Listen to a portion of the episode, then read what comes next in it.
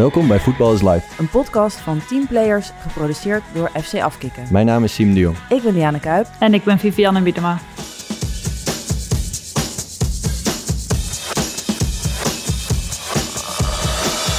In and age mag je als mens zijnde gewoon je mening hebben. Messi, Ronaldo bijvoorbeeld. Het zou ook mooi zijn als zij zich wat meer uitspreken over thema's die er echt toe doen. De reactie van Nederlanders is meestal negatiever dan die van de rest van de wereld.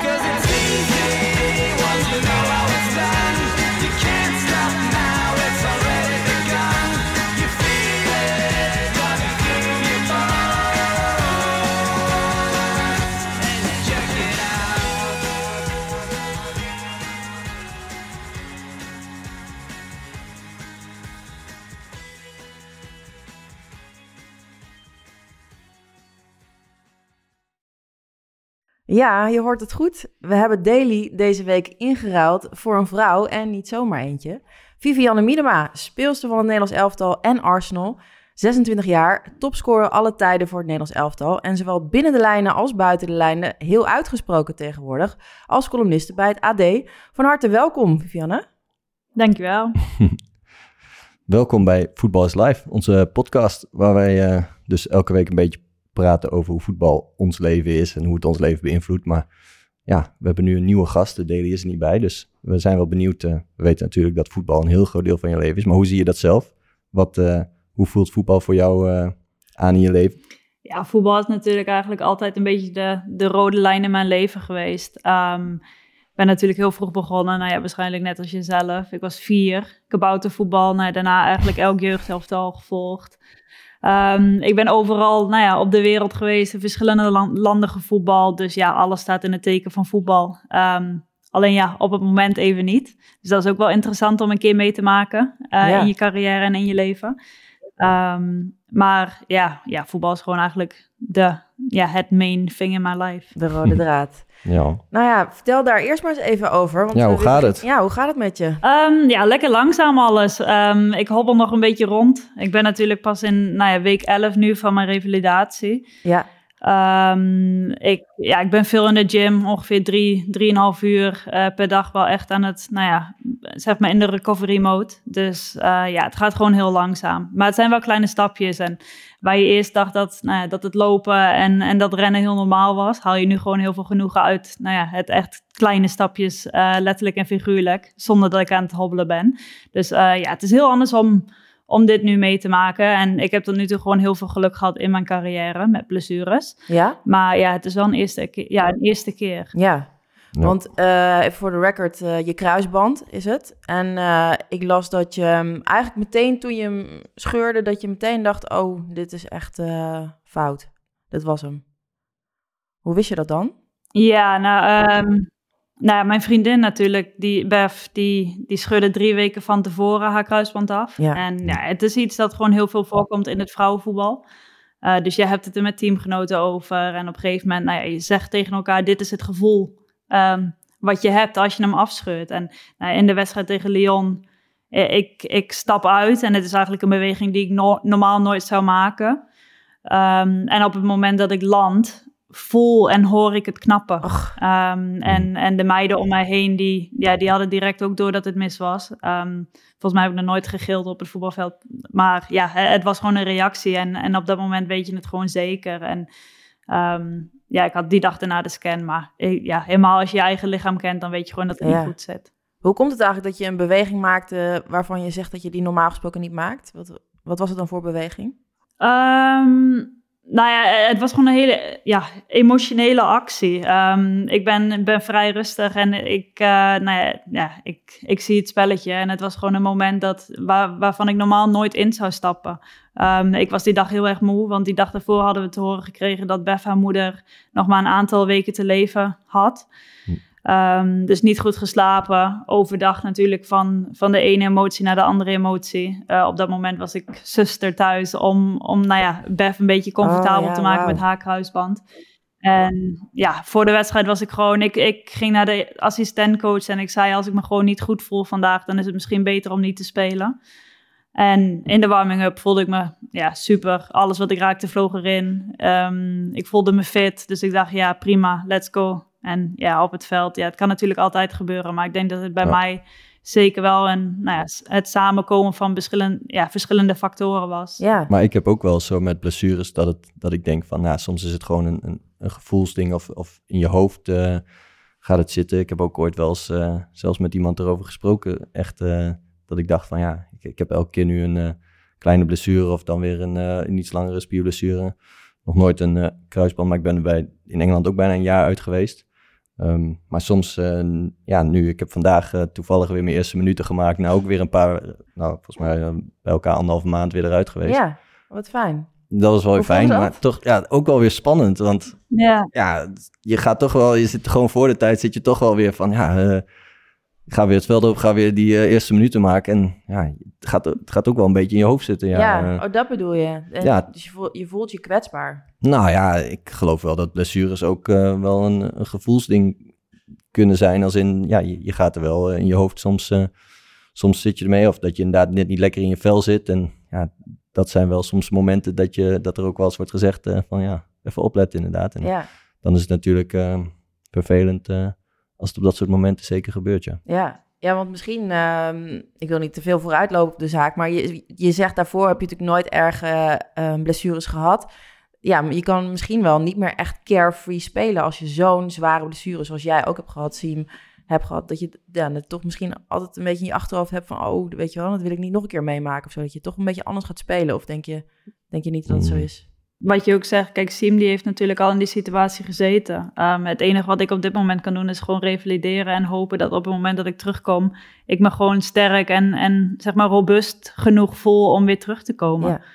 Ehm, maar ja, wat Siem zegt, ik denk op het moment dat je meerdere pijntjes hebt of dat je af en toe zeg maar weer terugvalt in blessures, dan wordt het natuurlijk mentaal best wel moeilijk om weer fris en fruitig het veld op te gaan met, met de gedachte, oh, het gaat niet weer gebeuren. Ja. Ja, ik heb ook één, eh, die, die- zeg maar in Engeland was ik er vier maanden uit. eh, dat was eigenlijk mijn langste blessure. Alleen daarna raakte ik nog een keer. Toen was het uiteindelijk bijna het hele seizoen uit. Maar toen ehm, had ik ook dat ik eh, eh, het gevoel had van... oké, nu ga ik inderdaad gewoon revalideren. Een lange tijd. Ja, in eerste instantie zit je natuurlijk... eh, denk je van, ja, het is allemaal... eh, ja, het zit allemaal eerst even niet mee. Maar je gaat op een gegeven moment een traject in... en je weet waar je naartoe gaat. Maar je- Ja. je, hebt- ik had toen wel het gevoel ook in een lang traject... dat je heel erg bezig bent met jezelf inderdaad heel sterk maken. Toen ik terugkwam, had ik wel echt het gevoel dat ik ook echt sterk ja. terugkwam. Want je bent wel echt lang aan het revalideren. Je bent, eh, ja, je neemt gewoon eh, niet te veel risico. Je, bent, je zorgt dat alles, eh, alle boxes eh, zijn afgetikt. Ehm, ja, en toen, toen ik terugkwam, voelde ik me op dat moment ook wel echt, echt sterk. Ja, dat kan Alleen me ja, ook wel kreeg ik, een, ik klaplong, dus dat had Ja. niet zo... dat had Je kon niet zo uit maar je voelde je wel heel dat sterk. wel iets anders. Ja, nee, Ja. maar ik voelde me wel sterk, ja. Nou, ik herken dat trouwens wel, want ik had, ik heb een keer mijn rug gebroken met snowboarden. En eh, dan op het moment dat je zo kwetsbaar bent en zoveel pijn hebt gehad en je wordt dan weer beter. Daarna dacht ik van, ja, toen werd ik echt een soort van fa fatalist. of Zo, nu dacht ik, nee, dan kan ik alles. Ja. Ging- schreef ik me in voor een bokswedstrijd en eh, ik vond me echt heel erg sterk. Ja, maar je, als je zo'n... Ja, ik had dat wel. Wat bizar inderdaad dat, jou, dat je partner gewoon dezelfde blessure heeft. Ik zag ook een prachtige foto van jullie dat jullie helemaal... wel- Welk, welk gala was dat? Jullie waren helemaal dressed to kill in een mooie pakken en dan alle twee met die krukken. Ja, de BBC Awards. ehm, ja, natuurlijk typisch. Eigenlijk, gelukkig zie je het niet heel veel. En meestal, nou ja, ongeveer één per team per jaar. Maar dat je het allebei binnen drie weken van Bizar. elkaar doet, is natuurlijk wel Ja. bizar. Ja. Ehm, maar ja, ik dacht op een gegeven moment, ze kan natuurlijk niet altijd in de spotlight, in de spotlight staan en iedereen altijd maar achter haar aanlopen. Dus nu mag ze achter mij aanlopen. Ja. Oké, en eh, hoe zien jouw weken er dan eh, nu uit? Ja, nou ja, eigenlijk een beetje hetzelfde als heel veel ehm, nou ja, herstelprogramma's. Dus ik ben gewoon vijf of zes dagen per week op de club. Eh, meestal van negen tot drie. En dan eh, nou, op het moment dat ik thuis kom, dan, dan is het een beetje nou, de knieijzen. ehm en nou, in de game ready, die kent Siem waarschijnlijk ook wel. Staat daar in de hoek. Ik heb er Ehm, zelf maar één aangeschaft. Wa- Wat is het? Wat is een game ready? Gaan jullie nou een beetje geheimzinnig doen? In de... Nee, het is een ijsmachine, maar Oh, als je zeg maar een blessure hebt, dan ga, moet je ijsen. Maar op een gegeven moment dacht ik, het is misschien handig als ik er zelf een aanschaf. Dan eh, dan heb ik er in ieder geval thuis een als het niet goed gaat. heb jij dat ook? Oké. Ja, dat hebben wij dus ook gedaan met z'n tweeën. Want ja, oprecht, na de operatie, het is echt je beste vriend. Ja? Ehm, ik was vandaag nou, drie uurtjes niet thuis. En op het moment dat ik hier thuis binnenloop, dat is het eerste wat ik doe. Dus eh, Oké. ja, het is wel ja, wel echt heel belangrijk Ja. nu voor mij in deze periode. En ik probeerde het een beetje op te zoeken. Jij geeft nog niet 100% eh alle hoop op dat je er van de zomer bij het WK bij bent. Maar die kans is echt heel klein. Of hoe moet ik het nu zien in percentages? Ehm, nee, ja, het is wel echt wel 100% Ja? dat ik niet heen ga. Ehm, ja, het is gewoon niet mogelijk. Ik, op dat moment ben ik pas 6,5 maanden in mijn herstel. Ehm, ik denk dat als ik alleen maar mijn kruisband had afgescheurd, dat het een ander verhaal was geweest. Maar ik heb ook mijn meniscus eh, beschadigd, dus die is gehecht. En ja, ik, ik ben nu bijna drie maanden en ik, ik mag nog niet fietsen. Ehm, ik heb nog moeite met rekken en, en buigen. Dus ja, het is gewoon niet realistisch. En als het mijn laatste toernooi was geweest, dan had ik zeker het risico willen nemen. Maar ik heb, ik heb als het goed is nog zo lang Ja, in mijn carrière dat het, 26. ja, dat het gewoon niet waard is. Nee, Ja. nee. Oké, vizier op wat anders. Ehm Daly is er dus niet bij. En die heeft goede reden, want die heeft ehm interlandverplichtingen.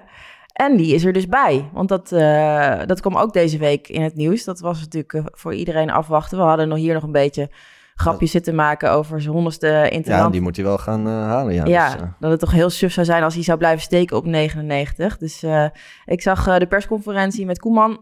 En hij zei dat het nog niet gezegd is, of 100% is dat Daly die honderdste gaat halen. Dat hij, en dat hij tegen Daly heeft gezegd dat hij niet de eerste keuze is op linksback. zou nog lulliger zijn als je hem selecteert en zijn Ja. niet geeft, toch? dat zou wel heel zuur zijn, ja. Ja, Ik kan me niet voorstellen dat Koeman dat doet. Nee, nee, lijkt me ook niet het type voor. Maar ehm, ja, dat is eh, aanstaande vrijdag gaan we het zien. Dan eh, is het tegen Frankrijk, de EK-kwalificatiewedstrijd. Wordt spannend. Volg jij dat ook allemaal een beetje? Je hebt nu heel veel tijd om voetbal te kijken Ehm, natuurlijk. Ja, nou ja, de, de tv is, eh, ook als hij uitstaat, dan heeft hij een groen schermpje. Kijk je veel voetbal, ja, kijk als ik je, op tv. als je geblesseerd bent? Ja, ja echt, echt alles. Echt? Eh, maakt niet uit wat er op dat moment op staat. Ja, dus ja, ik, eh, nationaal moet heel eerlijk zijn. Ik heb de afgelopen jaren echt niet alles gevolgd. Maar eh, nee, deze week, ik heb toch niks te doen. Ik zit toch op de bank, dus eh, hij gaat zeker Ja, maar ik kan me ook voorstellen dat als je dus geblesseerd bent en, en, het, ja, en je zit niet lekker misschien in de wedstrijd, dat je dan denkt Ja. van nou, zet maar even het voetbal af. Of- Nou ja, we hadden het vorige keer over dat ik, als ik inderdaad in het stadion zit, ik zit best wel zagrijnig in het stadion. ja, zie me als ik moet- zagrijnig. Als ik moet kijken dan naar de wedstrijden, ja, dus... Ja, Jij niet? Maar dat snap ik, ja, dat snap ik wel. Maar dan is het bij je eigen Ja, team ook nee, zeker. Ja, als ik bij Arsenal op de tribune zit, dan denk ik af en toe echt wel van... God, had ik maar op het veld gestaan of dit had ik beter gedaan of weet ik veel wat. Ehm, en, en daar kan ik ook echt flink zagrijnig zijn als we dus niet winnen of als we punten verspelen.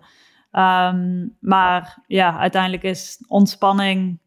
Ik vind het heel fijn om weg te zijn van het voetbal, maar tegelijkertijd als ik ergens een weekend naartoe boek, dan zorg ik ervoor dat mijn telefoon genoeg internet heeft, zodat ik het op mijn telefoon kan kijken. Ja, Dus eigenlijk gaat het nergens over. nee. Dus je hebt de klassieker gekeken. Ja, gisteravond zeker. Jij? En ben je blij? Wie, ik? Of- Nou, vertel jij eerst maar, Ik-. Ben jij, hoe zit je, wat vond jij daarvan? Ja, dat was, eh, ja... Was, eh, wat was eh uitslag? Oké. Nee, ja, ik had gehoopt dat eh Ajax 3-2. zou winnen, ja. Ik wil het wel blijven vertellen hoor. Ja, want jij bent, eh, jij bent niet voor Ajax, toch? Of wel? Nee, ja, ik ben eh stiekem bij Feyenoorder. Oh. Stiekem. Iedereen weet het toch wel van jou? Nee, totaal. Iedereen weet het, ja. Hey, goeie week voor Feyenoord deze week. Ja. Ja, ja dus ze hebben nu wel aardig eh, eh, ja, gat geslagen. De andere resultaten waren goed. En eh, ja, was, eh, de wedstrijd ging wel aardig op en neer. Het was op zich wel, eh, wel leuk om te zien. Mooie wedstrijd, ja. absoluut. In, ja, degene die achter stond eigenlijk ging steeds eh, vol gas. En ja, Feyenoord kwam achter en daarna einde gaven Ja. zij gas en kwamen ze, trokken ze aan het langste eindje. Gaan we jou eigenlijk ooit nog een keer bij Feyenoord zien? Ja, ehm, qua, nou, qua clubliefde en qua fan zijn wil ik zeker nog wel een keer, als het, als het uitkomt, eh, in Nederland bij Feyenoord voetballen. Ehm, maar ik wil het wel op een manier doen dat ik ook echt nog van toevoeging kan zijn. En Mhm. niet dat ik als eh routinier die eigenlijk nou, misschien één wedstrijd in de, in de maand kan voetballen, zeg maar, aankom. Dus ehm, ja, het ligt wel in de planning. Maar ja, je weet het nooit in het voetbal. En volgens mij, dat snapt Sim ook wel. Je moet gewoon kijken of er op een bepaald moment zeg maar, de goede timing komt. En als die er wel komt, dan sta ik er zeker voor open. Ehm, dus ja, we gaan het zien. Ja, gaan Nou, en zien. bij, bij jullie is het ook wel spannend, zag ik. En, en ook het, het Arsenal mannen elftal is, gaat ook richting kampioenschap. Dus ja, kan, eh, kan voor jou drie keer, eh, drie keer een kampioen. eh. Het feest worden. Nee, de mannen, de mannen doen het goed. Ja, over die mannen ehm, en een beetje over jou. Ik eh, zag jou indirect op, eh, op de Twitterpagina van Kim Kardashian. Eh, dat zag ik zelf niet, maar de rest had het allemaal gezien. Heb je dat dus ook het kwam in de gezien, groepchat. Nou, Ehm, Ja, nou, Kim Kardashian die had een foto gepost van een groepje kinderen, waaronder haar zoon eh, ehm, en haar- eh, van, van Kanye West. En haar Hmm. zoon die is zeven. En die ging kijken dus bij de wedstrijd eh, van het mannenelftal van Arsenal. En die hadden dus eh, shirts aan van, eh, van de vrouwen. En, en een van die vriendjes va- had dus jouw shirt aan. Hoe cool was dat? Ik vond het echt zo stoer dat er dus allemaal jongetjes daar stonden op een rij naar het mannenelftal te kijken met vrouwen-t-shirts aan. Dat is eh, wel een eh, unicum hoor. ja, was wel echt gaaf. Ja, toch? Ja, nou ja, ik had het allemaal niet zo goed door. Want ik ben, weet je, ik zit wel op social media, maar ik krijg niet alles mee. Ehm, en nou ja, de meiden waren helemaal hila ja, hysterisch de volgende ochtend. En toen dacht ik, oh ja, zal wel. Ehm, maar het is natuurlijk wel mooi, en dat zeggen we altijd, van als, als vrouwenvoetbalster heb je nu eindelijk een tijdperk waar, nou ja, jongetjes, meisjes aan het opgroeien zijn en gewoon, ja, vrouwen op de rug van een shirt hebben. En dat is natuurlijk wel heel gaaf. Ja, ik vond het heel cool om te zien. Eh, laatste puntje actualiteit. Mhm. Eh, Ted Lasso seizoen 3 is begonnen. Oh Dus ja, eh, ik zit er alweer in. zit je er helemaal in? Eerste aflevering alweer gezien, ja. Maar eh, gaat hij dan steeds elke week één aflevering of kan je hem in één keer bingen? Volgens mij is het elke week één aflevering. Oh, dus je moet echt geduld hebben. Ja. Kijk jij Ted Lasso? Ja, en echt net begonnen. Eh, dus ik ben pas in aflevering drie of vier. Oh? Slechte Engelse humor. Slechte? Oh, deze doet pijn. Vind je het niet grappig? Nou ja, niet weet je, kijk, het is makkelijk wegkijken. Maar het is niet dat ik eh, thuis kom, de popcorn zeg maar aanzet... en vervolgens op de bank ga zitten om het hele seizoen af te kijken. Nee, dat niet. Oh, wat dat, grappig. komt, dat komt nog. Ja, ik denk maar wel. Siem, Siem dus wel. Siem, die- Ik heb wel. hem al voor de tweede keer gekeken. En omdat seizoen 3 begon, dacht Deze hele wel weer in podcast heet eh, Voetbal is Live dankzij Siemse fetish voor Ted Lasso. Ben je er al? Dat, komt straks ook nog. Dus dat, dat zie je allemaal straks in Ted Lasso. Komt. Maar dus weer, eh, ja, kan weer eh, kijken. Ik ben Oké. heel benieuwd. Alright, nou is het dan eh, nu tijd voor de Jong en Blind rubriek al. Ja, young and blind. Deze week hebben we onder de eh, Instagram post eh, echt een, best wel wat vragen binnengekregen. Dus ehm, we hebben er eentje uitgezocht. Eh, het was van een meisje, ik kon de naam zo snel niet vinden, die 14 jaar was. En die vroeg eigenlijk eh, of ze, als ze 15 is, nog steeds profvoetbalster kan worden. Ja. Dus- Is 15 te laat? Kan je op late leeftijd nog profvoetballer worden? Ehm, nou ja, het is natuurlijk, het ligt een beetje aan je, aan je circumstances. Eh, als je al wel voetbalt en, en je, bent, nou ja, je bent redelijk goed in voetballen, dan you never know. Eh, maar ja, wat ik zei, kijk, ik ben natuurlijk heel vroeg begonnen met voetballen. Eh, de meeste talenten die nu doorstromen, die, die zijn op jonge leeftijd begonnen met voetballen. Maar tegelijkertijd heb je ook jongens, en dat heb je in de Premier League met, met bijvoorbeeld de Jamie Vardy en zelfs met Harry Kane, Ja. die, die eigenlijk nou ja, tot hun 22e, 23e nooit professioneel hebben gespeeld. En vervolgens in één keer die doorbraak hadden. Dus ja, je hebt altijd de, zeg maar, de miracles ertussen lopen. En ik denk dat als jij voetbal helemaal geweldig vindt, dat je gewoon, dat je je daarop moet focussen. En nou ja, you never know. In Ja. Nederland heb je Kuit, Toornstra, Dumfries. Dumfries. Ehm, die zijn ook allemaal laatbloeiers. Ja.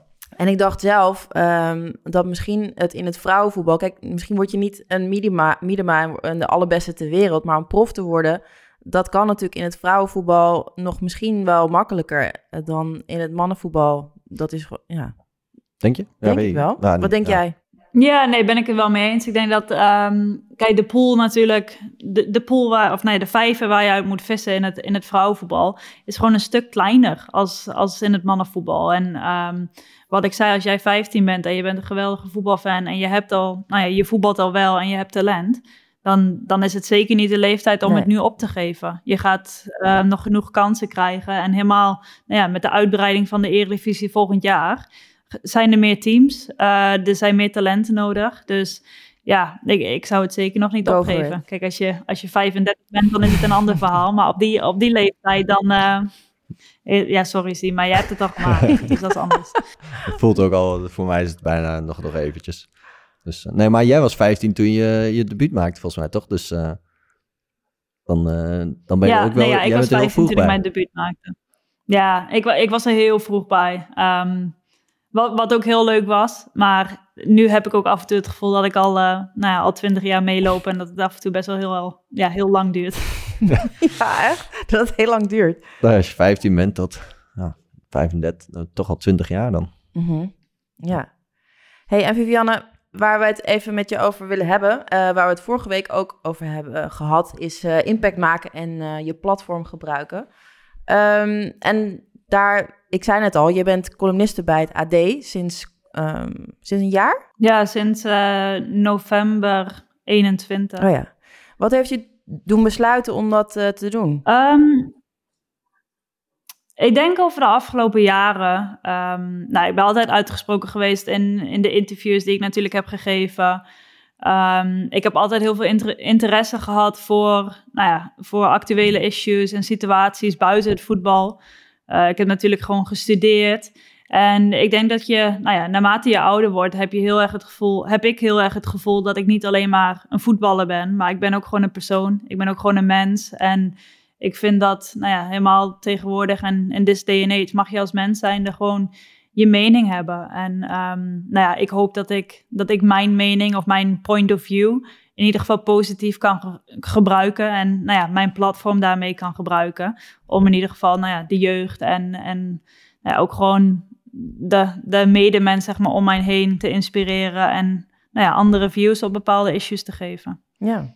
Ik vind dat eh, heel knap, want ik, ik, je zegt ik ben al eh, iets langer mee, maar ik eh, moet zeggen dat ik dat echt pas ook de laatste jaren dat gevoel heb. Ehm, Siem zei vanmiddag aan de telefoon, ik wou eigenlijk dat ik daar zelf eerder mee was begonnen. ja, ik zei wel van ehm, dat, dat ik ook vind als je een, een platform hebt en je, je, bent, je leest je in inderdaad in, in, in thema's die je belangrijk vindt en problemen, dat je daar ook eh, best voor mag uitspreken. En ik doe dat de laatste tijd, doe ik dat ook wel af en toe op, eh, op het gebied van klimaat. En Mhm. ehm, ik ben ook wel, we zijn ook wel aan het kijken hoe we dit soort thema's ook met spelers meer gezamenlijk kunnen oppakken. Ehm, maar ik merk ook wel, en ook bij mezelf altijd gemerkt, hoe lastig het best wel is ehm, om jezelf uit te spreken. Ik, eh, als ik een, een tweet of iets op social post of zo, dan lees ik het drie keer na en denk ik er nog weer over na en kijk ik het weer terug. En ja, dan- Want wat dan- is dan je grootste angst? Wat, wat maakt nou, het lastig? ja, nou ja, het is ook wel zo dat, dat je zeg maar voor jezelf voelt het ook wel zo. Ja, ik moet ook wel gewoon presteren op het veld. En eh, als ik dat niet doe, dan kan ik ook niet wat zeggen. Maar eigenlijk vind ik dat, dat ook onzin. Want uiteindelijk eh, kan je gewoon als, als speler, eh, speelster, kan je gewoon zeggen wat je daarvan vindt. En ik vind het dus ook belangrijk dat, dat, dat atleten dat doen. En Maar eigenlijk zeg je dus, je vindt eigenlijk dat je heel goed moet zijn en dat je vind je over jezelf en dat je dan pas iets kan zeggen, je kan uitspreken over dingen. Nee, niet heel goed. Kijk, het, het ding is wat je vaak een beetje te horen krijgt, is als je eh, je uitspreekt of als je met dingen bezig bent eromheen, ja, dat je maar gewoon met voetbal moet bezighouden, Hmm. want dan Ja, laat je het op het veld niet zien of wat dan ook. Dus, en ja, eh, ik kan me ook voorstellen, je, als je je wel uitspreekt over dingen, ja, je krijgt, eh, er zullen mensen wat kritiek op hebben, soms, of eh weer wat van Maar vinden. niet alleen maar wat, heel veel. ja want hoe ervaar jij veel, dat? Ja, want heb je veel ook kritiek en ook veel, krijg je ook veel negatieve reacties dan erop? Ehm, nou, wel interessant, denk ik. Want als je kijkt naar ehm, het, het Nederlandse nou ja, publiek en, en bijvoorbeeld de Engelse.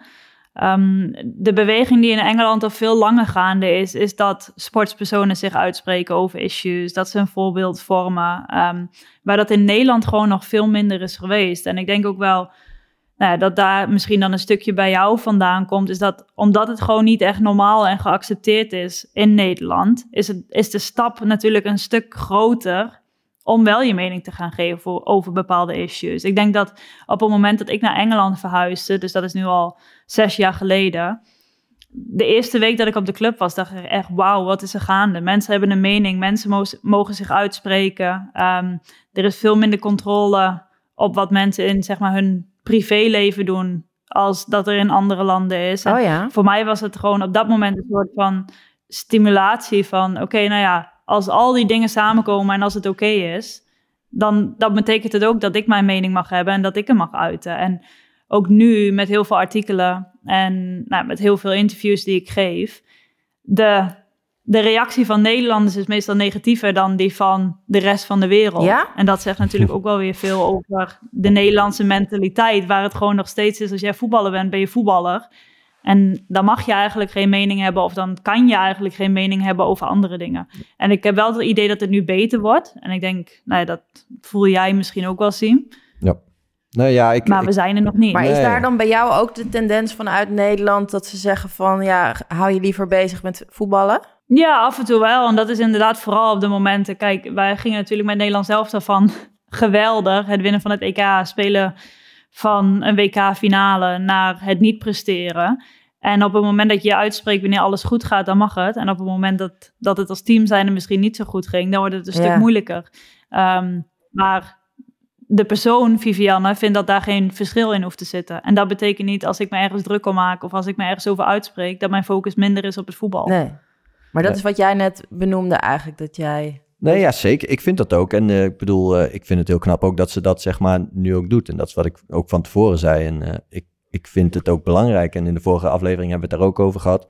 Ehm, met Daly ook. En die, die zei ook dat hij het belangrijk vond. Hij zei ook, ik loop niet altijd voorop daarin. En ik, doe- ik doe vaak mee. En, en dat is wel een beetje nog de tendens, denk ik. Ik denk dat, ehm, ja, dat het goed is als spelers zich meer gaan uitspreken. Zeker over thema's gewoon, eh, ja, wereldse thema's die belangrijk zijn. En ik denk wel dat, eh, dat het belangrijk is om bepaalde thema's eh, met elkaar aan te pakken. En ik denk dat voetbal daar een heel goed platform voor is. Ik, ik vind ook wel bijvoorbeeld dat sommige topvoetballers niet, niet het moeten doen, maar ik bedoel, Messi, Ronaldo bijvoorbeeld, die, die zullen vast ook heel veel goede dingen doen. Maar als je hun campagnes of dingen ziet, dan denk ik wel eens van ja, zou ook mooi zijn als zij zich wat meer uitspreken over thema's die er echt toe doen.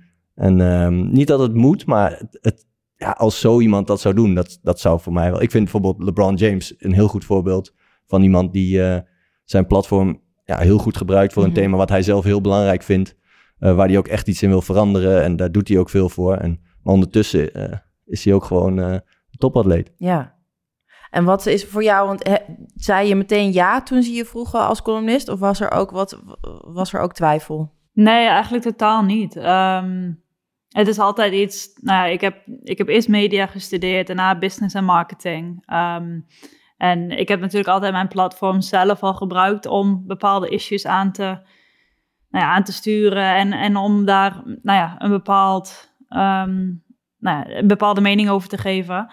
Eh, dus op het moment dat, nou ja, dat zij eigenlijk bij mij aankwamen met het idee van zou je dit, zou je dit willen doen, toen, toen heb ik direct ja gezegd. Ehm, vooral ook omdat het gewoon uiteindelijk iets is wat ik kan sturen. En ik heb, ik heb natuurlijk uiteindelijk de power over wat er naar buiten gaat komen. Dus ik kan, ehm, ik kan die week aangeven, nou ja, dit is er gebeurd en hier wil ik graag over praten. En nou ja, wat Siem net ook zei, kijk, dat is echt niet alles. Alleen er zijn natuurlijk wel, de rode lijn, again, is nou ja, het, het vechten voor equal, equal rights binnen het vrouwenvoetbal en voor vrouwen op zich. Ehm, het zijn klimaatissues, het zijn, eh, het zijn vooral issues die zeg maar echt iets, nou ja, of ik ben erbij betrokken en ik, ja, ik heb er een mening over, of het is iets wat ik graag zou willen veranderen en waar ik de power voor heb nu op dit moment. Dus ja, het gaat echt niet over alles, maar wel over de, over de belangrijke Ja. issues. Ja, want dat vind ik ook wel inderdaad. Kijk, ik moet me ook niet over alle thema's gaan uitspreken. Ik vind ook niet dat ik daar de aangewezen persoon voor ben. En Hoezo niet? Nou, niet over alle thema's. Ik kan wel bijvoorbeeld, ja, equal rights bijvoorbeeld. Ik vind dat een belangrijk thema. En ik kan daar wel, maar ik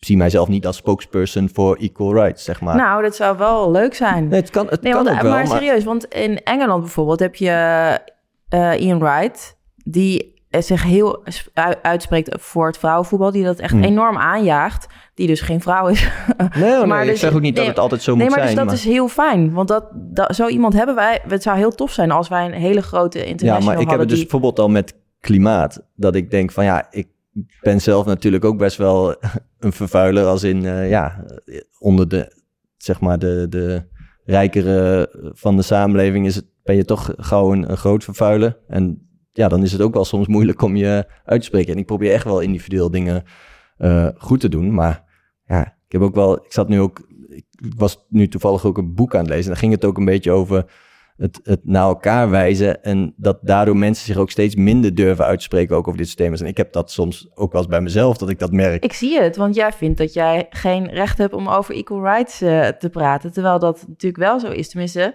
ja, ik, ehm, ik, vind, ik praat bijvoorbeeld graag graag. Maar ik Hm. bedoel, ik vind racisme dus een, een heel belangrijk issue om eh, bespreekbaar te maken. Ehm, nou, ik ben niet van kleur, maar ik vind het wel heel belangrijk. En, eh, dus Nee, ik- zeker. Ik zei, want dat zei in een andere aflevering, heb ik dat ook gezegd. Over, toen ik in Amerika zat, heb ik me daar ook wel eh, over uitgesproken. Heb ik ook meegedaan met acties. En ik vind het ook belangrijke thema's. En, en zeker eh, dat ik het ook belangrijk vind dat ik me daar ook af en toe over uitspreek eh, op het moment dat daar iets. Maar ja, wat ik net zei, ik zie mezelf niet per se gelijk als Nee. spokesperson voor die dingen. eh, vind ik niet ik- verkeerd hoor, maar ik vind het gewoon interessant waarom je dat Ja, eens. En ik denk, Misschien als je dochters ouder worden, dat je dat... Ja, nou ja, het zou kunnen. Voor mijn dochters zou het kunnen. En, maar daarom, ik vind klimaat is dus ook een belangrijk thema. Ook gewoon vanuit die gedachte voor de toekomst van mijn kinderen ook.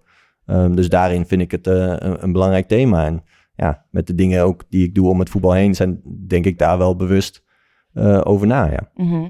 Tuurlijk, en je kiest uiteindelijk iets wat... Maar ik denk dat je jezelf best wel wat meer, meer credit mag geven ook. Want als je kijkt naar, kijk, heel veel jongens die, die gaan waarschijnlijk door hun carrière heen. En die denken na die tijd pas van, oh, had ik dit en dit maar gedaan. En ik weet dat, nou ja, dat jij naar het latere sta, Ja. zeg maar de latere stages in je carrière aan het schuiven bent. Maar je gebruikt nu wel nog steeds de naam en de kwaliteit die je hebt om, om het nu op te starten. En dat doe je samen natuurlijk met Daily. Maar ja, ik denk wel dat het zeg maar voor de jongere generatie alsnog een soort nou ja, voorbeeld is waar ze zich dan aan op kunnen trekken. En ik denk dat, nou ja, ongeacht welke issues je, je, zeg maar, je je over uitspreekt, dat het gewoon wel echt een goede stap is. En dat, dat mensen dit echt wel, of nee, dat sporters dit echt, dit echt wel op gaan pikken. Ja. Dus dat het zeker gaat helpen. Maar ja, dat is ook wel een klein beetje nog aan het einde van mijn carrière het doel. Het is misschien meer gericht ook op andere sporters en toekomstige generatie. Dat ik nu nog wel eh, een beetje me uitspreek. Ja, de vraag is hoeveel invloed ik zelf nog echt heb op dit moment. Mijn platform is niet meer zo groot misschien als het ooit was. En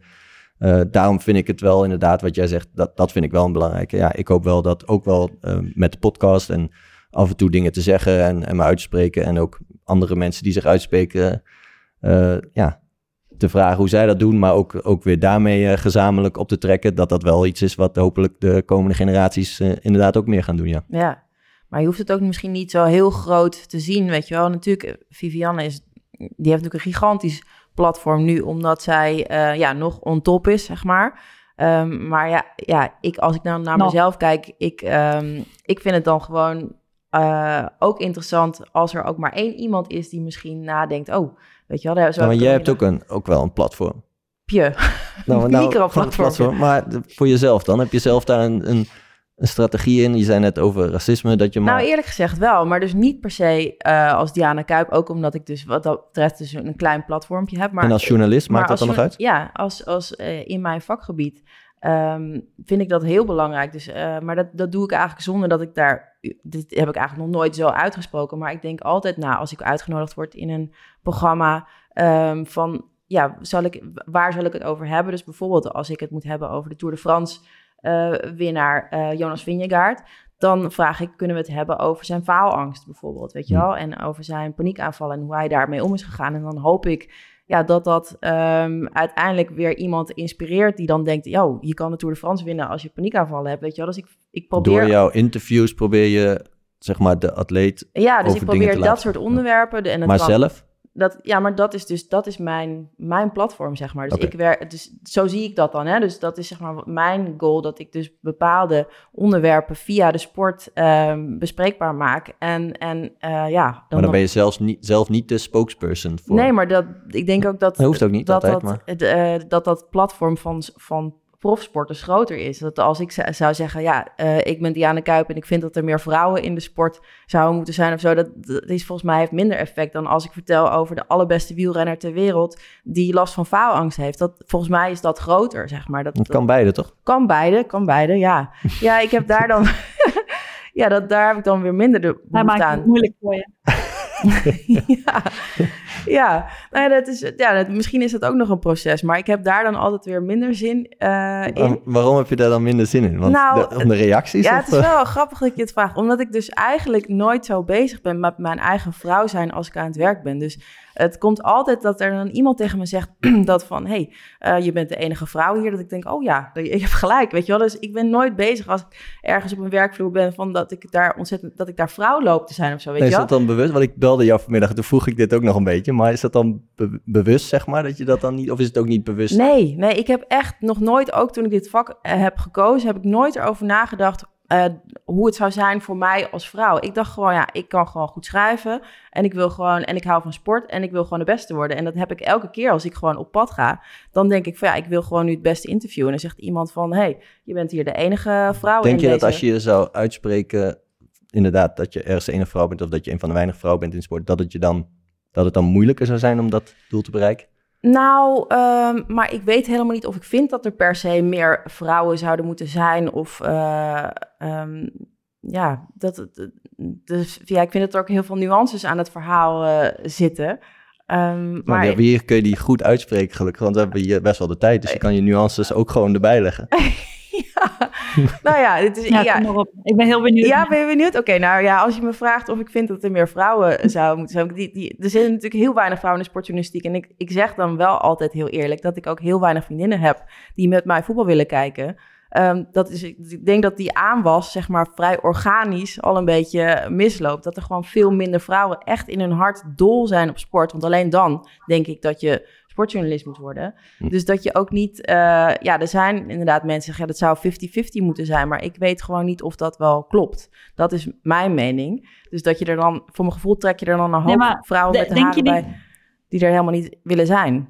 Denk je niet dat jij nu juist het voorbeeld bent om naar die 50-50 toe te werken? Want ik zie het altijd op een manier van, kijk, ik- op het moment dat mensen equal pay gaan roepen, ben ik ook degene die zegt van, op het moment dat wij hetzelfde moeten gaan verdienen, moeten we ook hetzelfde binnen gaan halen. Moeten we ook ehm, in 60, du- zeg maar met 60.000 mensen week in, week out in de Emirates gaan voetballen. Maar daar zijn we nog niet. Alleen ik hoop wel dat wij in, nou jij al door je job en door wat je aan het doen bent, zijn er waarschijnlijk kleine meisjes op tv die denken van, wauw, ik kan ook over wielrennen praten. Wauw, ik kan ook over voetbal gaan praten. Dus uiteindelijk ben je alsnog een voorbeeld. Ja. En je bent, ik denk dat ik zie mezelf nu als onderdeel van de generatie die naar dat, naar dat doel aan het toewerken is. Kijk, het is er nog niet. En we moeten uiteindelijk ook realistisch zijn dat, zoals je zegt, we willen kwaliteit hebben in posities. En we hebben mensen nodig die ook echt nou ja, interested zijn. Maar ik denk wel dat dat iets is dat als wij het gaan sturen, dat het kan ontwikkelen naar uiteindelijk nou ja, de equal en de 50-50 binnen bepaalde ja, doelgroepen en, en jobs. Ja. Nou ja, ik, ik hoop inderdaad dat er, dat er meisjes zijn die denken... oh, het is oké om over sport te eh, praten als vrouw. Ik, ik vraag me dus wel alleen af of die 50-50 op bijvoorbeeld sportredacties... of dat gewoon een afspiegeling is wel van, eh, ja, van de samenleving... van hoeveel vrouwen dat Ja. echt heel willen in, ten opzichte van hoeveel mannen. Ja, je bedoelt op dit moment is het daar nog niet, maar ja, wat Vivian zegt is wel zo dat het daar naartoe ja, kan gaan ooit. Dus het is best wel mooi als je daar inderdaad een voorbeeld voor bent. Nou ja, dat zou inderdaad. Maar ik heb wel het idee dat er gewoon meer meisjes zijn die, eh, die graag willen voetballen. Mm, ja, dan ik, ik, ja, ik kijk dan gewoon echt naar mijn vriendinnengroep. En er is gewoon echt, ja, er zijn gewoon veel minder eh, vrouwen die het leuk vinden om, naar, om echt gewoon 100, ja, de 100% per dag met sport Hm. bezig te zijn dan met mannen. En ik weet niet zeker of dat echt zo komt omdat het een zo, ja, omdat ze dat niet durven of zo. Dat weet ik niet. Denk je dat, Vivianne? Nou, niet zozeer het niet durven, maar ik denk wel dat, zeg maar, nu in, in wat er zeg maar nu gaande is, ben, ben jij misschien wel een uitzondering in, nou ja, in de werkgroep waar je nu mee bezig bent. Kijk, meeste sportjournalisten zijn inderdaad man. Maar als je dan kijkt naar je vriendinnengroep, snap ik, dat is het nu. Maar stel je voor, nou ja, Siems Kids, dat zijn meisjes die nu opgroeien in, in een tijdperk waar ze in het Nederlands elftal kunnen voetballen, waar de handbalsters beroemd zijn, waar er een Giro voor vrouwen is, waar er een Tour de France voor vrouwen komt. Ehm, en ik denk op het moment dat, dat ze dat allemaal nu zien, dat over misschien 20 jaar tijd, in plaats van dat je nou ja, naar een 50-50 toe gaat werken, dat het misschien in plaats van dat het nu 90-10 is, dat je naar 70-30 gaat. Ja. Omdat meer meisjes dan wel geïnteresseerd zijn zijn. in voetbal. Ja. Nu niet, en daar ben ik het mee eens. Maar ik hoop wel dat er in de toekomst, dat die groei gaat komen. Ja, dat hoop ik ook. Ja, interessant hoor. Hey, en, nou, eh, dan weet je dat vanaf nu. ja. en Vivianne, van welke column krijg jij de meeste commotie? Wat maakt het meeste los? Ehm, nou ja, op het moment dat ik de FIFA onder de bus gooi, dan uh, onder de bas gooi, dan, ja, dan is het wel uh, niet alleen vanuit Nederland, maar vanuit de hele wereld dat er uh, heel veel opmerkingen en discussies Ja, want ontstaan. wat was daar... Ehm, wat bedoel je die laatste waarin je dus zei dat ze met die sponsor... ehm, of nou, vertel zelf maar. Welke column eh, heb je de FIFA onder de bus gegooid? Ja, het was. eh, kijk, ons WK is natuurlijk aankomende zomer Mhm. in Australië en Nieuw-Zeeland. En ehm, nou ja, de, de FIFA die, die had de gedachte om samen met Vi- Visit Saudi ehm, een sponsorship aan te gaan om hoofdsponsor van het WK te worden. Ja, wat natuurlijk totaal niet samengaat met ehm, nou ja, waar wij als, als vrouwenvoetbalcommunity zeg maar voor staan. Eh, als je kijkt naar Saoedi-Arabië, daar zijn vrouwen niet eens welkom in een voetbalstadion. Daar mochten ze tot 2019 mochten ze niet eens zonder man of toestemming de gym in. Ehm, en volgens mij geeft het gewoon, nou ja, een wrong image richting iedereen in de wereld om met hun zeg maar een partnership aan te gaan voor een WK vrouwenvoetbal. Ehm, nou, ik ben niet de enige speelster die, die zich daarover heeft uitgesproken. En uiteindelijk hebben Nieuw-Zeeland en, en Australië samen een statement gemaakt. ehm, die ik ook heb ondertekend. Om nou ja, daar buiten te gaan en zeggen van ja, wij willen hier niet mee geassocieerd worden. Want we willen uiteindelijk vrouwen promoten en we willen vrouwenrechten promoten. En ehm, ik weet niet of jullie toevallig hebben gezien, maar vandaag kwam naar buiten toe dat de FIFA inderdaad heeft gezegd dat nou ja, de sponsordeal niet doorgaat. Ja, Dus ehm, Oh, ja, dat is, dat is uiteindelijk heel, belang, ja, dat is uiteindelijk Terwijl heel belangrijk voor Infantino- nou, volgens mij alle teams die daarheen Ja. gaan. Want Infantino zei van de week nog, ging je nog een beetje ontkrachten, toch? Ja, en natuurlijk ook omdat hij, nou ja, hij is net weer herkozen als president. Dus ehm, volgens mij kwamen er heel veel dingen samen die, eh, nou ja, die uiteindelijk toch tot nou ja, deze, dis- deze discussie en deze keuze hebben geleid. Dus ehm, ja, dat is wel iets waar, ja, waar ik in ieder geval nu blij mee ben. Ja, Ja, want het werd ook nog zo gebracht. Ik zag toen op een gegeven moment een artikel voorbij komen. Als in dat de FIFA andere partners naast hun normale grote partners voor WK's een, een, een kans wilde geven om ook eh, een soort van partner te worden van zo'n event. En dan kwam inderdaad dit als sponsor tevoorschijn. Terwijl ik zoiets heb. Ik, ja, ik volg dan nu die cursus bij de UEFA en dan lees je ook over al hun plannen en ideeën. En dan denk je van ja, ze hebben echt een mooi. Ze, ze denken echt na over wat ze willen doen. En dan komt er bij de FIFA en denk je van ja, een keer een andere partner een kans geven op een WK die iets toevoegt, denk je dan. En dan komen ze met zo'n partner. Dan denk je wel van ja, ja, het gaat natuurlijk eh, weer puur alleen en om geld. ja. Tweet jij daar dan wel eens iets over? Dat soort dingen? Nou, ik heb het wel een paar keer opgegooid als thema hier bij jou. Van, moeten we het daar niet even over hebben. En toen zei je, ja, het is wel een moeilijk thema. Niet waar! Dat zei jij? Niet waar! Nee, ik zei, daar moeten we het een keer langer over hebben. Want we Oh, willen... langer. Oké, dan nodigen we iemand voor uit die daar wat beter... Ja, zoals Vivianne. Oké. nee, maar ja, ik vind... Nou ja, ik heb het toen wel... We hebben het er wel eens over gehad, inderdaad. En we wisten natuurlijk ook dat dit eh, zou komen. Maar nee, ik heb niet zelf daar inderdaad over getweet. En dat is net... Ja, een beetje waar we het net over hadden. Ja. Ik denk, ja...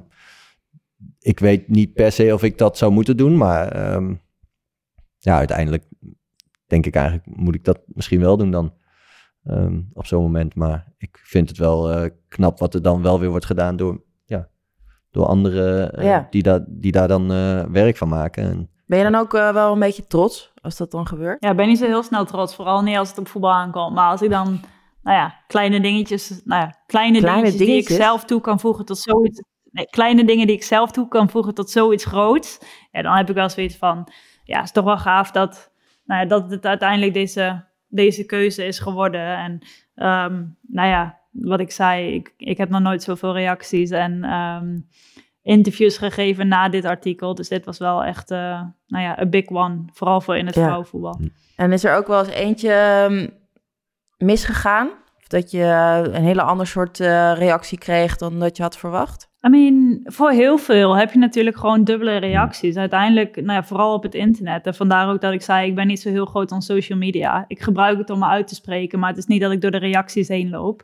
Ehm, je gaat met heel veel dingen natuurlijk een, een, een splitsing krijgen tussen mensen die voorstander zijn en, en gigantisch tegenstander zijn. Eh, en dat mag. Kijk, ik heb mijn mening en ik deel hem, maar ik zeg niet dat die altijd juist is. En ik zeg ook niet dat, dat iedereen die altijd per se blind moet volgen. Ehm, het is van mijn perspectief en het zijn van mijn eigen ervaringen. En Ehm, nou ja, ik, ik heb op dat moment het gevoel dat ik het juist doe. Niet alleen voor mezelf, maar voor, nou, voor het vrouwenvoetbal, voor de samenleving. Ehm, maar daar hoort het ook gewoon bij dat, dat mensen het er niet mee eens zijn. En dat, dat mensen het artikel niet leuk vinden. En, en ja, zo hard kan het ook gewoon zijn. Maar Mhm. ehm, nou ja, zolang ik in ieder geval true to myself ben, dan is het oké. Ja. Heb jij eigenlijk, eh, als je voor jezelf voorbeelden van anderen die zich zeg maar ook uitspreken en waar je wel eens naar kijkt van dat je denkt van die doen dat eh, op een goede manier? Ehm, ik, nou ja, toen ik vroeger, nou vroeger, toen ik iets jonger was, ehm, nou ja, dat was eigenlijk richting WK 2019. Ik weet niet of jullie dat hebben meegekregen. Toen, toen was Rapino wel natuurlijk Ja. een van de uitgesproken speelsters Ja. tijdens het WK zelf. Ehm, ja, ik, ik zou het niet op die manier doen. Ik zou het niet tijdens een, een toernooi zelf doen, want dan is de focus op het voetbal. Ehm, en ook niet over nou ja, het aantal issues waar ze zich over uitspreekt. Maar ik heb dat wel gezien als iets van, je hoeft niet alleen maar voetballer te zijn. Je kunt ook beide zijn. Ehm, je, je kunt je platform nu juist gebruiken. En nou ja, wat ik zei, ik was er daarvoor al enigszins mee, mee begonnen. Maar het is wel fijn om te zien dat de andere nou ja, zich ook uitspreken over dit soort issues. En ehm, ja, dat, dat, was, dat gaf me wel extra motivatie om, om zelf mijn eigen weg te vinden. En het niet nou ja, tot die extreme te doen, maar wel op de juiste manier die bij mij past. Ja, ja, Rapino. Ik was ook in 2019 eh, aan het werk toen. En eh, ging ook af en toe speciaal voor haar bij die persconferentie zitten. Ja, dat is echt, als zij eh, gaat, praten, ja, dat is, zij heeft zo'n enorme uitstraling en je luistert ook echt. En ze kan dat ook zo goed. Je, soms kan je natuurlijk wel iets heel erg vinden, maar dan moet je natuurlijk ook nog zo goed dat naar voren kunnen brengen. En zij heeft dat echt allemaal in één. Ja, en wel qua timing, ik bedoel wat je zegt tijdens zo'n toernooi en zo, zou je denken van, eh, ja, focus op voetbal. Maar het viel toen natuurlijk ook wel precies goed. Ze wonnen volgens mij het WK ook. Mm. Eh, en ja, het, het kwam natuurlijk goed uit uiteindelijk allemaal bij elkaar. En daardoor had ze misschien nog groter platform dan dat ze eh, anders misschien ooit had gehad. Ja, Eh, maar ook daar kan het natuurlijk omslaan. Want als ze, Ja. dat niet, ja, als ze die finale niet hadden gewonnen, had iedereen natuurlijk gezegd... ja, als hij Zeker, gewoon en ik had kan me- gefocust. Ja, ik kan me dat dus ook wel voorstellen dat dat niet is wat je per se wil in een team. Dat eh, iemand inderdaad, eh, ja, los van eh, de prestaties, wat er moet gebeuren tijdens zo'n toernooi, eh, bezig is. Dat was natuurlijk ook wel met, met het Nederlands elftal in Qatar. waren ook genoeg van dat soort momenten natuurlijk. Van eh, ja, moet, dit moet gebeuren of moet je dat niet, moet je daar niets van zeggen. En ja, dan, dan snap ik ook wel dat je als team en met elkaar zegt op dat moment, ja, we moeten nu eh, presteren op dit moment. En natuurlijk, we kunnen ons op momenten uitspreken voor thema's.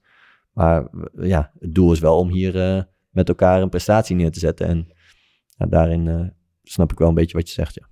Ja, snap, snap jij dat? Vind jij dat ook? Ja, Want ja, vind jij dat het Nederlands elftal bijvoorbeeld eh, op het laatste WK, het mannen-elftal, dan dat die ehm, ja, misschien wel laf zijn geweest door niet echt statements te maken? Of hoe zie jij dat? Uh, nou, het is wel een hele lastige, want ik denk dat het ook heel erg ligt aan welk land je voor speelt, welke club je voor speelt. Ehm, kijk, ik, ik voetbal natuurlijk, nou, ik zit nu bijna tien jaar in het Nederlands elftal en ik weet dat de KNVB heel erg beschermend is over, over zijn en haar speelsters en spelers.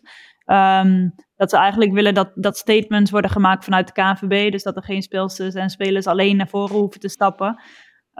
Maar in Amerika, kijk, uiteindelijk, de bond had 0,0 invloed op wat Rapino en het vrouwenelftal tijdens het WK naar buiten bracht. Daar was um, eigenlijk totaal geen controle over. Dus het ligt heel erg aan, nou ja, bij wie je speelt. Um, en ik denk, kijk, FIFA heeft het uiteindelijk natuurlijk ook onmogelijk gemaakt om bepaalde statements naar buiten te brengen mm -hmm. tijdens het WK in Um, maar het is ook wel weer interessant, want ik weet wel dat er zeg maar achter de schermen discussies nu bezig zijn. En eigenlijk niet eens alleen achter de schermen, maar in het, in het open, nou ja, open en, en honest nu over dat, dat wij wel de One Love armband willen dragen tijdens het WK. Oh ja. En niet alleen wij, maar ook landen als Engeland en Duitsland en Australië en Amerika, die willen er allemaal, die gaan ook die armband dragen. Dus ja, die, die onderhandelingen zijn nu bezig met FIFA.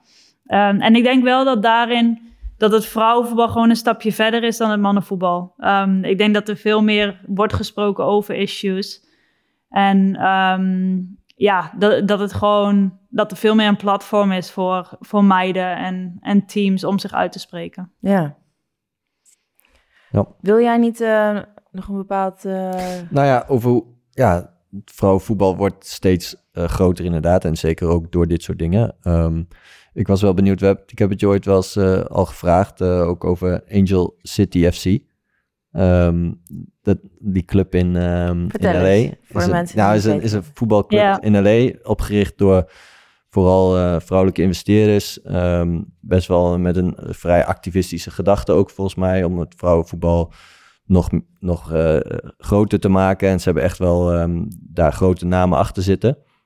Ze zijn gewoon echt een club, echt een vrouwenteam, zeg maar. Dus wat je in Nederland vaak, of tenminste wat je vaak ziet ook in Europa, is dat teams eh, een vrouwenteam onder hun mannenteam krijgen. Maar ik vroeg me dus af, van, zou dit in Europa ook kunnen werken? Ik bedoel, ik weet niet of het, ik denk niet dat het mag per Dus se als een team zo inschrijven. alleen vrouwen. Dus je hebt, je hebt niet zoals Ajax een mannentak en een vrouw. Ja, vaak heb je gewoon in, in, ja, vaak heb je gewoon Ajax en dan krijgen een vrouwenteam. Mhm. En PSV krijgt vrouw, en Arsenal heeft een vrouwenteam.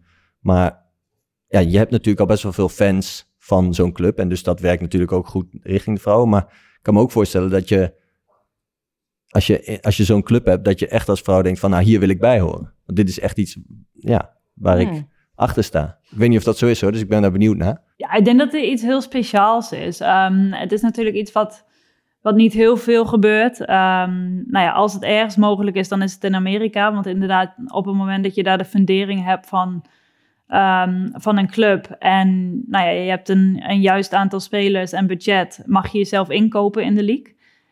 Ehm, het, ja, je ziet het meer als een community. Het is niet alleen maar een voetbalclub. Het is inderdaad iets veel groters. Het is het onderdeel zijn van...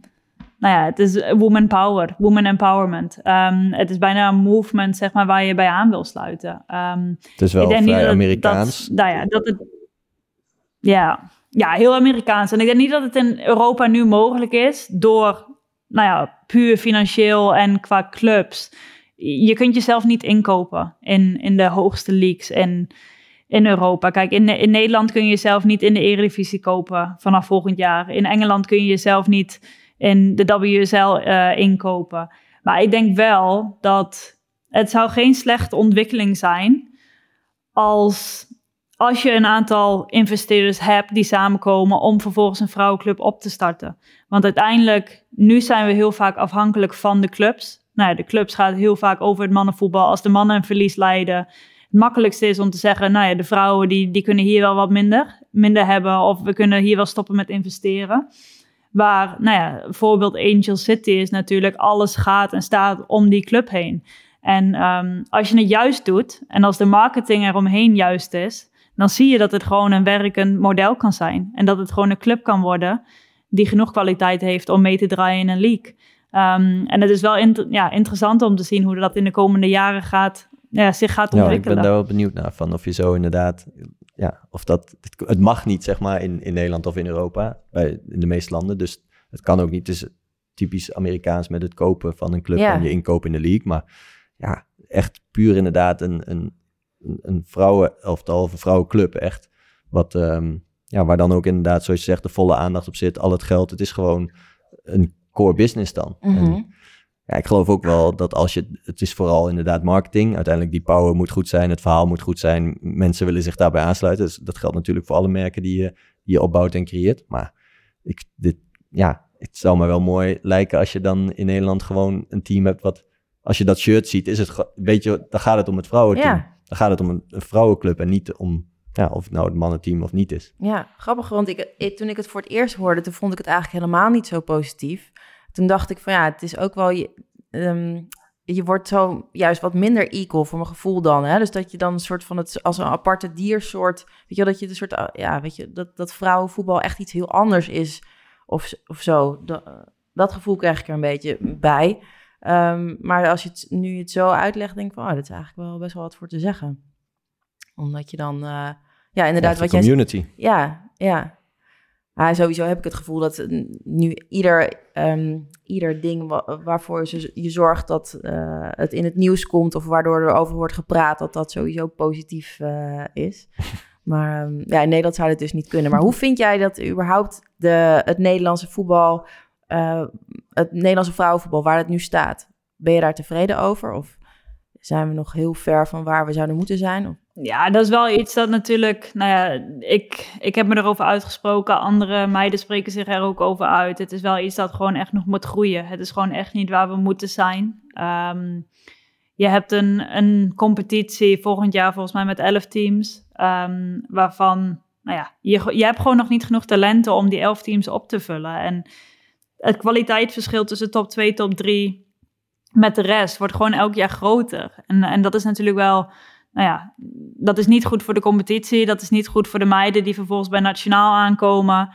Ehm, ja, we moeten een manier gaan vinden om, om juist te investeren. Dus niet domweg geld weg gaan gooien, maar om op een juiste manier te gaan investeren. Dat je een voltallige Eredivisie gaat vormen. Dus Ja. we zijn er nog niet. Nee, Maar- nee, maar ja, daarom zou het mooi zijn als clubs zich wel misschien mogen inkopen. Dan kan, nou ja, en je kan daar, dan krijg je misschien losse investeringen naast dat je eh, vanuit ehm, de bestaande mannenteams eigenlijk vrouwenelftallen moet creëren. En daar moet inderdaad dan budget voor Ja. gecreëerd worden. Misschien is het beter als er gewoon een aantal eh, clubs worden opgericht daarbij. Ja. En puur eh, gewoon geïnvesteerd op het eh, vrouwenelftal. Dus eh, Geen slecht idee. FC Hogeveen. Ja. je vindt vast genoeg eh, sponsoren en, eh, en investeerders, dus dat lukt wel. Nee, ja, eh, ja het, het is een moeilijke. En ik denk dat zoiets wel positief zou kunnen zijn. Ehm, maar ik denk dat we vooral in, als KNVB en als alle clubs zijn, er moeten gaan samenwerken om te kijken naar wat de beste oplossing is. En ehm, ja, uiteindelijk, kijk, we gaan geen topcompetitie worden. Je bent een opleidingscompetitie. Dat zijn we ook in het mannenvoetbal. Ja. En dan hoop je natuurlijk dat je één of twee clubs hebt die, die de uitzondering hebben, die goed genoeg zijn om in de Champions League mee te komen. Ehm, en ja, daar moeten we naartoe werken. ja. Nou, dus eigenlijk als er inderdaad meer meiden uiteindelijk eh, gaan voetballen, gaat het niveau ook omhoog. Dus dat is denk ik wel een eh, Ja. Ja. mooi, eh, mooi doel. 100%. Tot slot wilde ik nog wel iets vragen over vrouwenvoetbal. En ik weet niet of dit, een, of dit denigrerend is vanuit mij of niet. En het is ook lastig om te vragen misschien. Maar als je het hebt over eh, sommige andere sporten, dat bijvoorbeeld, eh, bijvoorbeeld volleybal is het net lager. Ehm, is zeg maar de afmeting en eh, ja, ik bedoel, het zal vaak genoeg hierover zijn gegaan, over discussies over het vrouwenvoetbal. Dus ik vind het te lastig om te vragen. Maar hoe, hoe zie jij dit, zeg maar, als je het hebt over de grootte van de goal, de afmeting van het veld? Zijn dat dingen die daarbij zouden kunnen helpen of juist totaal niet? Ja, ik ga als spits zijn en natuurlijk nooit zeggen dat ik het doel kleiner wil hebben. Ehm, maar nee, kijk, het- is een lastige en ik denk natuurlijk, nou ja, vooral ook in het, in het jeugdvoetbal bijvoorbeeld, als je dat als ehm, nou ja, voorbeeld neemt, zijn er heel veel dingen veranderd over de afgelopen jaren. Eh, ik, in andere sporten heb je aanpassingen.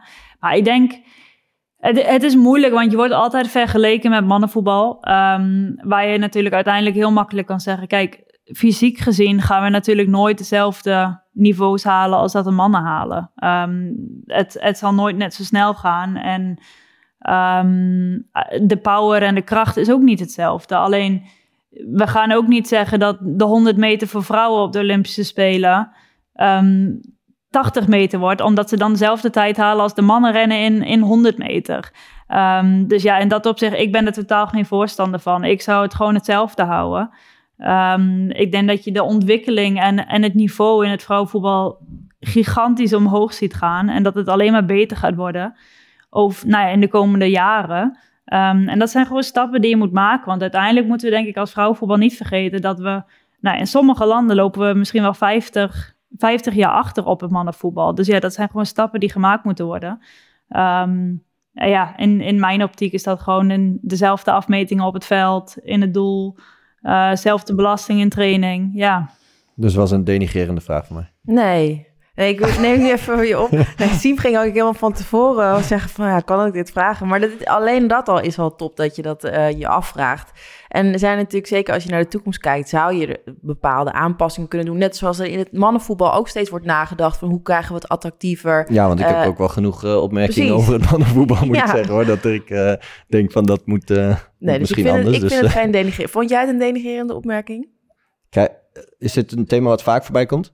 Ik heb vragen gehad die, die een stuk erger zijn dan deze, dus don't worry. Um, het, ja, natuurlijk, het is iets wat voorbij komt. En het is ook wel echt wel iets dat zeg maar, besproken wordt. En soms is het niet alleen maar, zeg maar dat het op fysiek aankomt. Maar ik weet niet of je het hebt gezien, maar de discussie gaat nu ook rond dat in het vrouwenvoetbal dat we niet meer in witte broekjes zouden moeten voetballen. Ehm, omdat het natuurlijk een kans is dat, nou ja, dat als vrouwen ehm, nou ja, ongesteld zijn, dat het uh, uiteindelijk heb je betere koffer als je, als je in zwart of donkerblauw voetbalt. Dus dat is ook een discussie die gaande is. Dus kijk, er gaan altijd vragen komen. En ik denk ook dat aanpassen en veranderen en niet hetzelfde zijn als het mannenvoetbal, dat is prima en dat is oké. Ehm, alleen ja, het moet gewoon op de juiste manier gedaan worden. En um, je hoopt dat, zeg maar, in de tijd dat de juiste nou beslissingen worden gemaakt. En nou ja, je, wat je zelf ook zegt, in mannenvoetbal gaan er ook genoeg dingen veranderen. Ja. En dat kan ook betekenen dat nou ja, het vrouwenvoetbal misschien niet meegaat of het misschien anders verandert. Hm. Dus ik denk zeker dat, we, dat je daar open voor moet staan. Um, maar ja, dat betekent natuurlijk niet dat, dat alles wat naar voren geschoven wordt per se moet gebeuren. Nee. Nee, zo. En, en ik moet ook zeggen, ik, ik kijk ook wel WK's en EK's bij vrouwen ook wel af en toe wedstrijden. En ik moet de, de laatste keren dat ik heb gekeken, vond ik ook echt dat het niveau echt wel een, stuk omhoog was. En wat je zegt, het is ook gewoon aan het ontwikkelen. Er komen steeds meer meiden die ook steeds meer gaan voetballen. Dus ah, ik vond ook wel dat het uh, niveau en, en ook gewoon de, de speels, het zag, het zag er echt wel steeds beter uit. En ik vind ook voor richting mijn, uh, mijn dochters bijvoorbeeld, ja, ik wil ze eigenlijk ook wel komende tijd op, op voetbal gaan doen. Want ja, ik vind het gewoon een, de mooiste sport. Dus ja, voor mij is het logisch dat mijn dochters ook uh, gaan voetballen. Dat lijkt me een hele mooie afsluiting. Oké, okay, dankjewel. Uh, ja, mij ook. En dan in een, in een Feyenoord shirtje. In een, wat? In een Feyenoord shirtje. Ja. nee, dat mag niet. Oh, dat mag niet, zegt Dat mag niet. Oh, nou, daar moet hij het nog even over hebben dan. maar dankjewel dat je bij ons uh, aan wilde schuiven, Vivian. Kom je nog vaker langs? Ben je niet beledigd door, uh, door Sien? nou ja, die laatste vraag. Nee, ik, uh, ik vond het heel leuk, dankjewel. En, en zeker. Leuk, oké. Nou, dan zou ik zeggen tot de volgende keer. In ieder geval Vivianne. En uh, ja, bedankt allemaal voor het luisteren. Um, wil je ons nog vaker horen? Abonneer je dan uh, op je favoriete podcastkanaal. En je kan ons ook vinden op Instagram. En als je nog vragen of tips of voor de Jong en Blind rubriek iets wil insturen, podcast.voetballislive.nl Yes. En dan uh, zie ik jou volgende week weer. Ja. Doei. Dankjewel.